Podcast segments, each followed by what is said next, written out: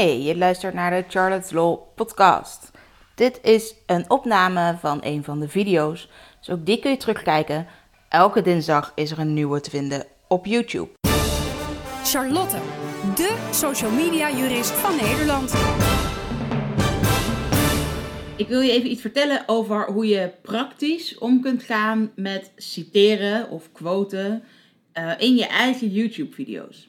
Ik zal je niet vermoeien met alle vijf criteria van het citaatrecht. Uh, ik zal even linken naar het uh, artikel dat ik daar eerder over geschreven heb. Dan kun je dat precies nakijken, want daar moet je uiteindelijk wel aan voldoen. Maar het gaat er nu even om hoe kun je dat praktisch inrichten. Wat valt er nou wel en niet onder zo'n citaat? Allereerst is belangrijk om te weten dat alles wat een beetje op de achtergrond meeloopt, nooit een citaat kan zijn. Dat is versiering. Dus muziek die je onder je video zet, ook al laat je het misschien maar kort horen, uh, is in principe geen citaat als dat niet op dat moment belangrijk is in je video. Op de achtergrond bepaalde afbeeldingen laten meelopen of op de achtergrond een beetje laten zien zodat je, nou, dat er leuk uitziet. Dat is eigenlijk ook geen citaat. Wat wel een citaat is, is als je iets in beeld laat zien, uh, omdat dat belangrijk is om je verhaal te ondersteunen. Of omdat je bijvoorbeeld iets wil bespreken.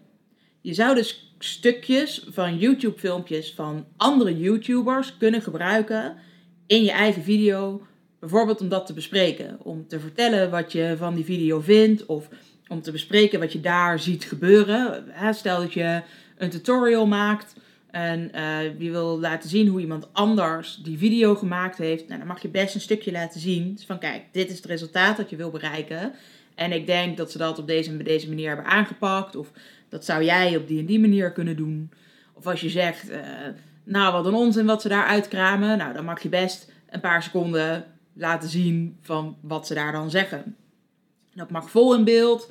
Dat mag klein in een hoekje in beeld. Maar net wat je belangrijk vindt of wat jij het mooist vindt voor je eigen video. Belangrijk is wel dat je of zegt of in, de, um, in je shot laat zien wat de bron is. Zodat mensen dat wel weer terug kunnen zoeken. Het is ook belangrijk dat je nooit te veel laat zien. Weet je, jouw eigen video moet altijd het allerbelangrijkste blijven. Dus als je iets van een ander laat zien, dan moet dat altijd kort zijn. Een misverstand is dat je nooit muziek zou kunnen gebruiken in je YouTube-video's. Nou, dus niet als achtergrond of hè, ondersteuning, niet voor je intro of outro. Dan moet je gewoon even zorgen dat je een goede licentie hebt, wat met Buma Stemra hebt geregeld. Um, of gebruik maakt van de muziek die YouTube je aanbiedt. Daar heb ik eerder ook al eens een video over gemaakt. Maar stel dat je gewoon de nieuwste muziek wil bespreken. Dat je als het ware je eigen tv-show maakt over muziek. YouTube-show dus. Dat kan gewoon. Je moet dan alleen nooit de volledige nummers laten horen. Want dan kan iemand dat natuurlijk zo uh, af gaan spelen zonder dat de muzikant daar zelf nog wat voor terugkrijgt. Maar als je daar dus ook korte stukjes van laat horen om even een indruk te geven van het nieuwe nummer van een bepaalde artiest of zoiets dergelijks, dan kan dat. Belangrijk is dan weer wel dat je of dat nummer bespreekt, of bijvoorbeeld iets bespreekt wat er in dat nummer gebeurt. Hè? Als je meer de techniek uh, wil bespreken, bijvoorbeeld. Dus alles wat je gebruikt moet eigenlijk je eigen verhaal ondersteunen en onderbouwen. Het moet bijna nodig zijn voor je eigen video. Dat je eigen video gewoon niet goed kan uitleggen uh, wat je bedoelt. Dat mensen dat niet meteen begrijpen als je niet dat citaat zou gebruiken. Je kunt natuurlijk ook gewoon uh, foto's gebruiken, uh, stukken tekst als je die uit wil spreken. Geldt ook hetzelfde voor. Nooit het geheel, maar wel een klein beetje.